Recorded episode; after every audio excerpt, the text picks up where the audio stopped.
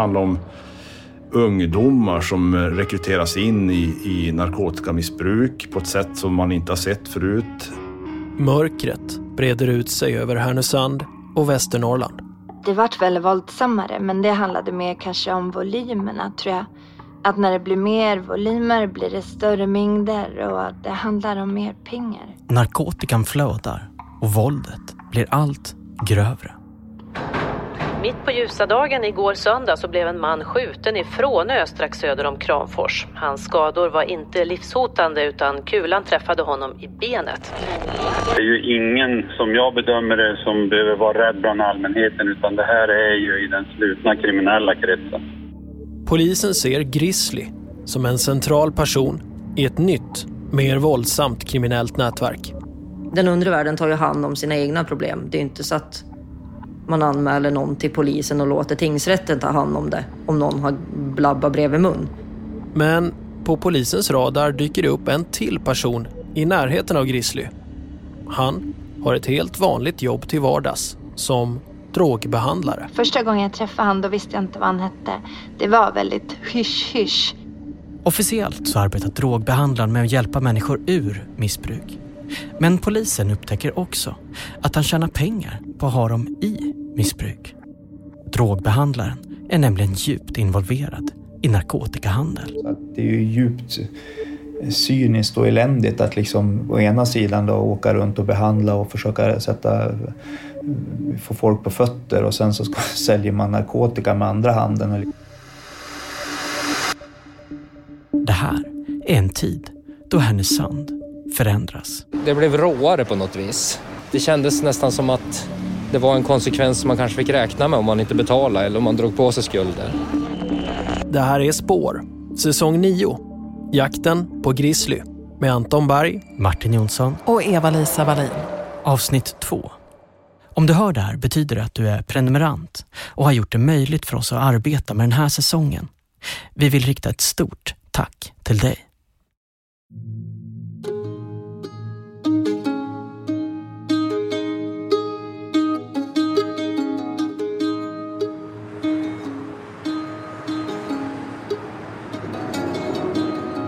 Västernorrland, det är där jag är uppvuxen. I Sundsvall i söder. Sen fortsätter länet upp mot Höga Kusten och Härnösand, vidare mot Örnsköldsvik innan då Västerbotten tar vid. Och såklart upp mot fjällen och Härjedalen i väster. Anledningen till att det kallas just Västernorrland, fast det ligger till öster i Sverige längs med kusten, har med Finland att göra. Det ligger helt enkelt väster om Bottniska viken. Och det är hit Grizzly flyttar 2014. Han bosätter sig i trakterna kring den gamla bruksorten Kramfors men också residensstaden Härnösand.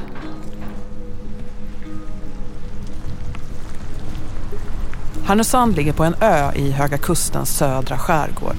Det är en gammal stadskärna och enligt turistbroschyrerna finns det också ett rikt kulturliv. Grizzlys flytt till Härnösand, den sammanfaller med att våldet i stan också ökar. Alltså det var en hel del stök på den tiden. Det var ju mycket, det var många som var, var rädda skulle jag vilja säga. En av dem som ser det här med egna ögon, det är Mattias Melander. Våldet ökade ju, ökar ju med narkotikan så att det, det var ju liksom, det, det, var, det var mycket våld. Många som eh, blev misshandlade. Det var, handlar ju om skulder naturligtvis skulder som skulle betalas och, och, och sådär. Mattias Melander har jobbat länge i Härnösand. Han är fältarbetare på socialtjänsten. Och den här septemberdagen då Spår träffar honom kommer han från ett skolbesök.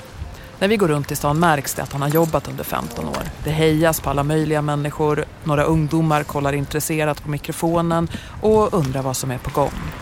Ja, men just i den här korsningen, där ser man ju ganska mycket. Härnösand är inte en stor stad så att, eh, här ser man ju ser man ju egentligen hela centrum kan man säga. Centrum det är lika långt och lika stort så att man kan ställa sig i mitten och se både början och slutet av centrala stan. Jag skulle vilja säga att det knappt finns en högstadieelev idag som inte kan få tag på narkotika på bara en kort stund. Det kan nästan vara svårare att få tag på alkohol idag. Och inte bara socialtjänsten såg att saker och ting förändrades runt 2014-2015. Även polisen märkte att det skedde en upptrappning. Den här eh, droghandeln blir, den sker inte riktigt i det fördolda utan det sker mer på, på liksom en mer öppen drogscen. Robert Öhman är chef på underrättelseenheten i polisregion Nord.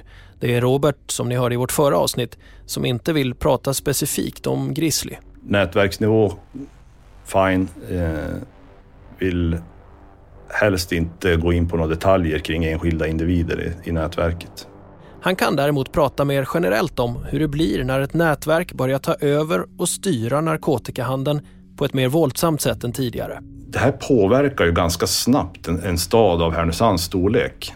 Eh, sätter du den här problembilden i, i Sundsvall till exempel, som är en större stad som har liksom fler, fler bostadsområden, så, så märks det inte lika mycket. Men i en mindre stad som Härnösand så, så börjar sådana här saker att märkas och, och det märks ju också eh, till, att tillgreppsbrotten ökar, det, det blir stöld i butik ökar. Och precis som vi hörde i förra avsnittet om utvecklingen i Eskilstuna så ökar våldet även i Härnösand. För med ökad droganvändning kommer också ökade skulder till langare. Och med ökade skulder kommer mer våld. Och till slut också skjutvapen. Det börjar figurera skjutvapen i, i kretsar som man inte har sett förut.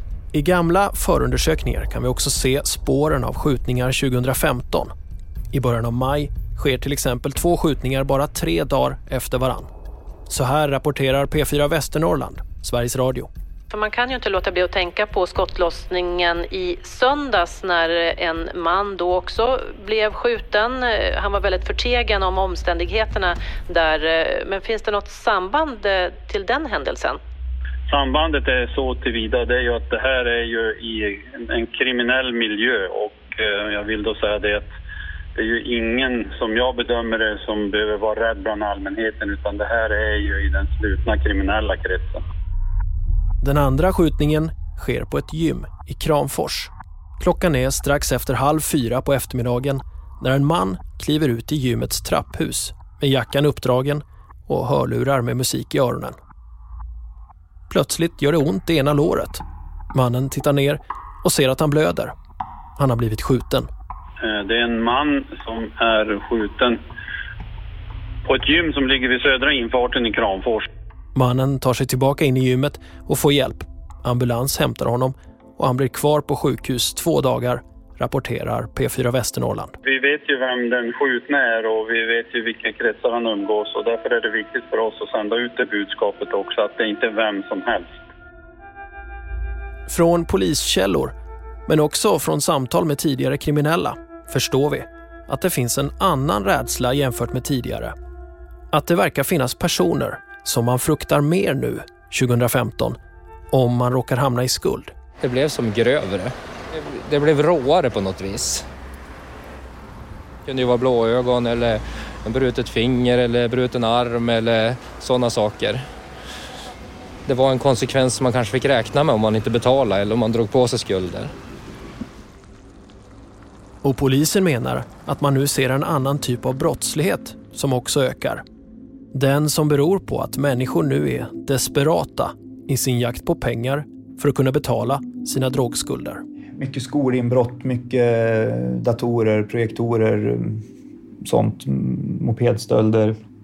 My mycket som man säger slarvigt uttryckt, pundarinbrott. Det här är Emil Lundberg. Han är spaningsledare på utredningsenheten på Polisregion Nord.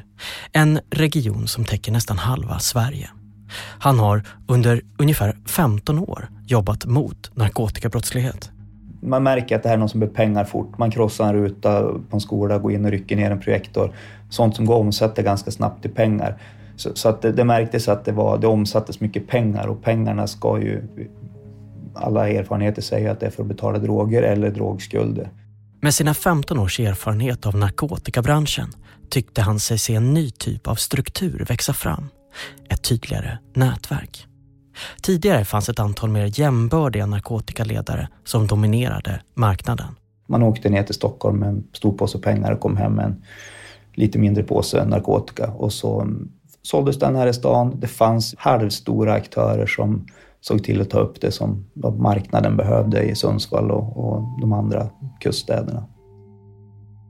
Det som folk börjar bli rädda för är de som pekas ut av de nya topparna i nätverket, som Grizzly. I handlingar och samtal med både poliskällor och andra personer med egen kriminalitet i bagaget pratas det om honom som en person som man inte ska bråka med. Men Grizzly är inte ensam ledare det som polisen benämner som Härnösandsnätverket. Det finns flera. En av dem som spår får tips om från både poliskällor och tidigare kriminella. Det handlar om en äldre man. En äldre man som jobbar som drogbehandlare. Som har hjälp av en yngre man som går under epitetet hans muskler. När polisen spanar ser de att drogbehandlaren åker med musklerna tillsammans till misstänkta adresser. Drogbehandlaren har ett betydligt tunnare belastningsregister än Grizzly. Det enda som finns där kring 2017 det är böter för en fortkörning. Men anledningen till att folk börjar prata om honom det har att göra med vad han jobbade med. Som drogbehandlare så är hans jobb att få struliga ungdomar på rätt köl. Få dem ur missbruk. Men samtidigt så misstänker polisen att han på samma gång distribuerar narkotika i Västernorrland. Polisen märker att drogbehandlaren han har två telefoner. En för kontakt med myndigheter, familj och arbete och en som bara har 21 nummer bland kontakterna. 14 av kontakterna misstänks för att vara inblandade i narkotikabrott. Tjena. En regnig fredags eftermiddag i september. Då ringer det. Hej. Du, jag ska precis gå igenom en säkerhetskontroll i en domstol. Kan jag ringa upp dig om kanske två minuter? Gör det, gör det. Bra. Hej. Tack. hej. Det är drogbehandlaren och samtalen ska komma att bli fler. Han vill fundera på om han vill prata med en journalist. Men eh, jo, jag ska, ja, Lisa, jag ska ta mig en fundera, riktig funderare. Så. Efter en tid så växer det fram en karta över konsekvenserna av Grizzlys och drogbehandlarens verksamhet. För om Grizzlys belastningsregister är på sju sidor och även drogbehandlaren kommer att samla på sig mer än bara en fortkörning så hittar spår i resten av förundersökningar och domar de människor som faktiskt var i centrum för våldet och rädslan. De som sålde eller missbrukade eller hamnade i skuld eller allt på en och samma gång. Nästan alla tackar nej till att medverka men en person som vi valt att kalla Emma, hon vill prata. Hon fanns där i centrum av våldet och narkotikatillförseln som trappades upp under 2014-2015. Hej. Jag är lite tidig. Det är ingen fara. Vad bra. Jag tänkte att du skulle vara vaken i alla fall. Ja, ja, ja. Så. Emma lever idag ett rätt vanligt liv som ensamstående mamma med fast jobb och helt egen lägenhet. Stoltheten när hon visar runt den går inte att ta miste på. Men hon har en historia av missbruk. Hon har varit i det livet, på skuggsidan, både en och två gånger. Men du kan börja med att berätta, eh, vem, vem är du? Jag heter... ah, Det vet jag inte om jag ska säga vad jag heter. Eh, Emma är inte hennes riktiga namn, för även om hon vill berätta sin historia för att visa att det går att ta sig ur missbruk och kriminalitet både en och två gånger, så är hon försiktig. Mycket för att fel personer från det förflutna inte ska bli arga och leta upp henne ensamstående mamma. Eh, uppväxt här i Härnösand. Hade en väldigt bra uppväxt. Eh, världens bästa föräldrar. Det gick bra i skolan. Hade tre miljarder djur med hästar och allt vad det var. Hade liksom den där helylle uppväxten. Så, egentligen. Men när gymnasiet tar slut och hon flyttar ihop med sin pojkvän sker hennes första möte med droger.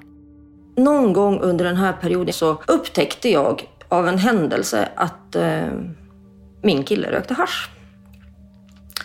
Och det var liksom första gången ever som jag kom i kontakt med sånt där. Och först var jag skitarg. Alltså, jag har aldrig varit den som har hållit på med sånt. Jag har aldrig varit den som har druckit alkohol. Alltså när man var tonåring, jag tror jag var full första gången när jag var kanske 15. Men ilskan lägger sig. Enligt Emma är pojkvännen, citat, jäkligt duktig på att snacka. Han hade sömnproblem, du vet. Ja.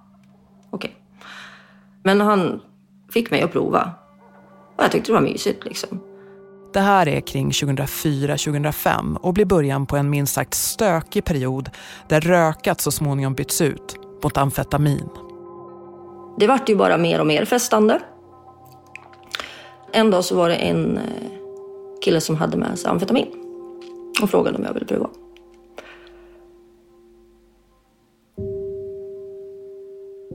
Och vet du, första gången jag prövade det var som att en pusselbit ramlade på plats som jag inte ens visste hade varit borta. Jag hittade hem.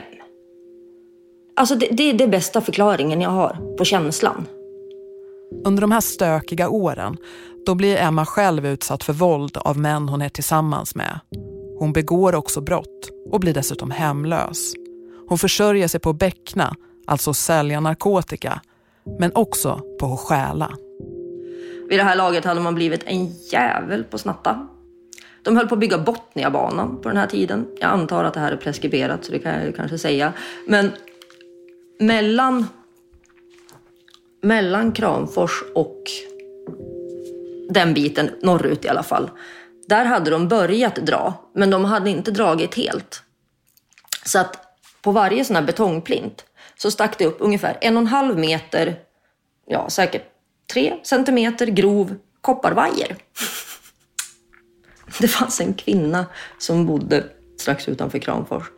Jag varit ganska duktig på det där. Vi gick med ryggsäck, yxa, så.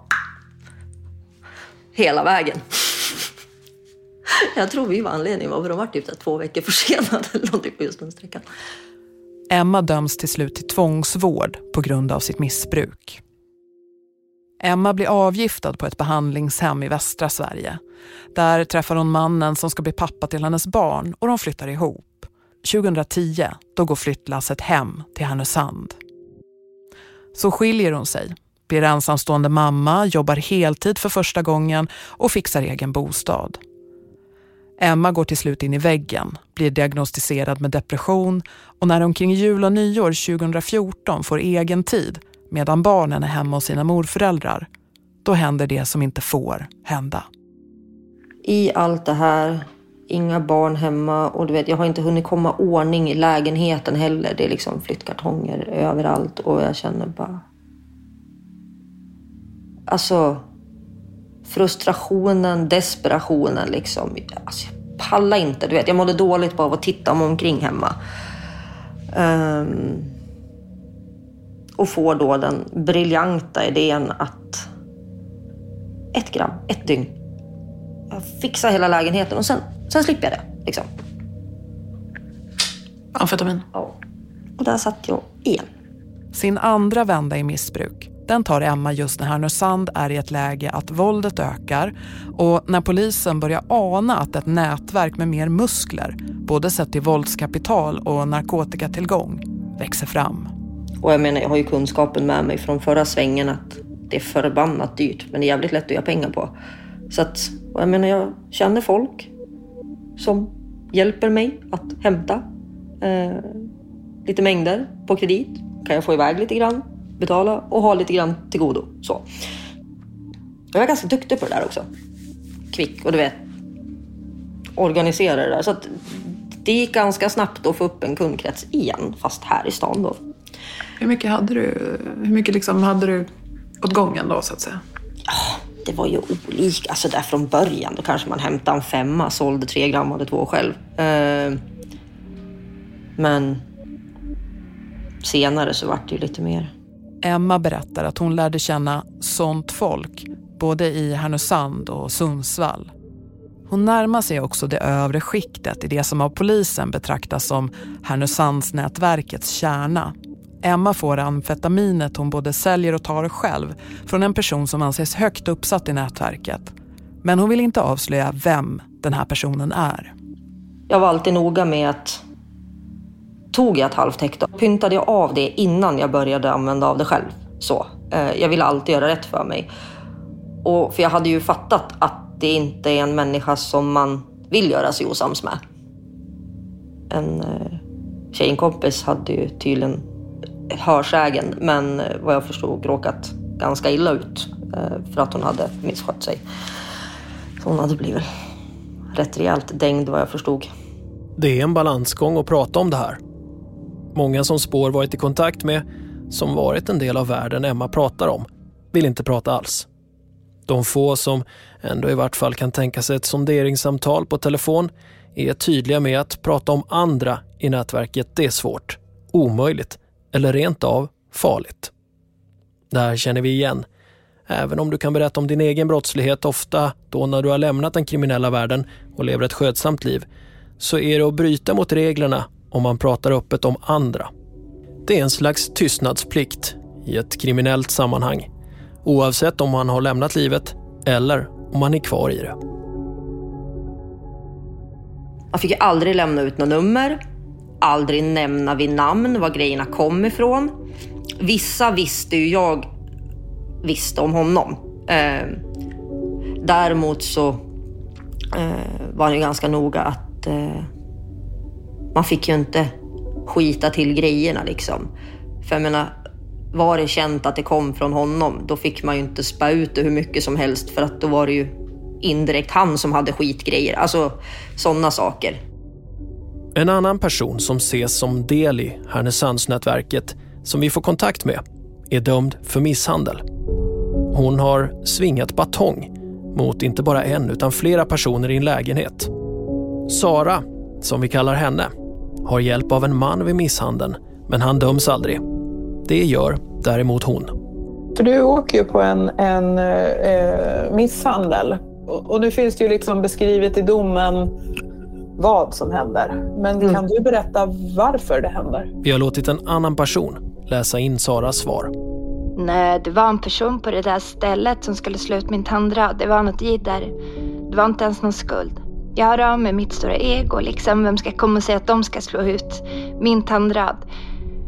Så då skulle jag upp och slå dit hennes tandrad och då var det fler folk som la sig och då åkte de på samma sväng. För de stod i vägen helt enkelt. Hur kändes det att gå in i liksom lägenheten med den tanken? Ja, man ganska hög puls, adrenalin. Jag kunde kicka på sådana saker. Men jag var inte frisk då. Alltså, jag är inte så idag. Det låter så jävla bisarrt när jag pratar om det. Men, nej, men jag hade puls, jag var fokuserad, in och ut, gjorde det man skulle. Jag var nästan lyrisk efteråt om det hade gått bra, sådana där grejer. Allra helst om man hade någon man jobbar bra med. Sara säger att hon började ta droger redan i tonåren. Det började med tabletter. Sen fortsatte det med andra droger. Och jag blev också aktiv själv. Min stora passion var att tjåla bilar. Jag var duktig på det. Det har varit min grej. Jag har aldrig velat drifta genom att hoppa i säng med karar och så här, utan jag har velat stulit och försörjt mig själv. Ja, det fick mig att må lite bättre. Sara har drogfria perioder på flera år, men kring 2010 tar hon ett återfall. Hon börjar begå brott och injicerar ADHD-medicinen hon får utskriven på recept. Eller börjar citat fula sig, slutcitat, som hon själv uttrycker det. Jag fick väl en förfrågan av någon tror jag. Jag tror att det började med Iktrovil. Det var som lätt att sälja och jag käkade inte flödder för jag kan inte hantera det. Så det var som enkelt och vart som en extra peng. Då var man inne i det och träffade aktiva lekkamrater. Det, det är inte det bästa om man ska hålla sig lugn själv så att säga. Hur mycket sålde du? Hur mycket kunde du ha liksom?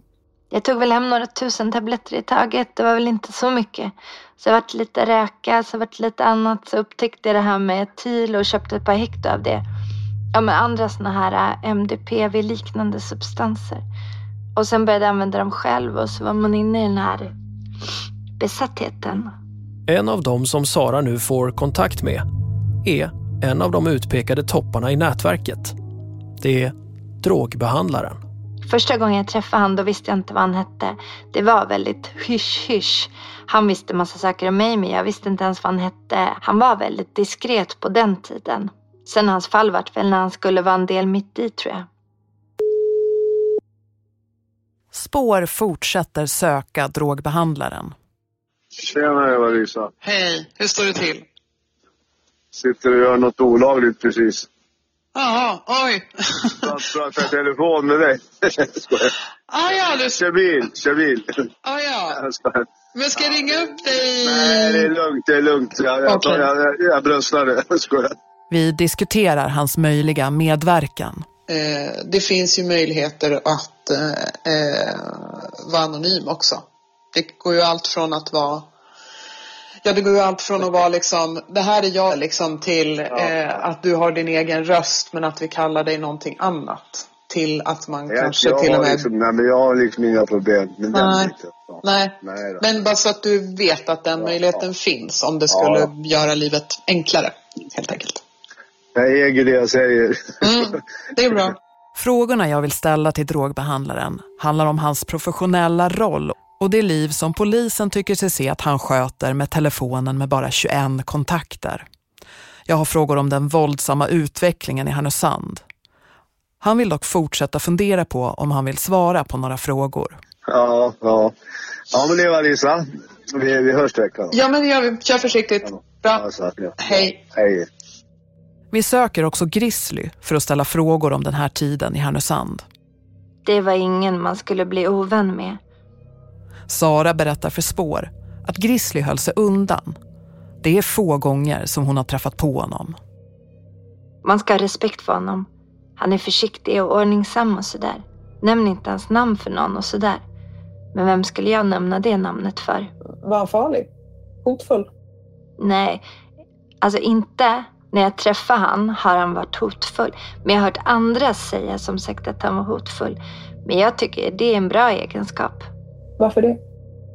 Jo, men i de kretsarna är man tvingad att vara på ett visst sätt. Annars blir du överkörd. Då blir du uppäten.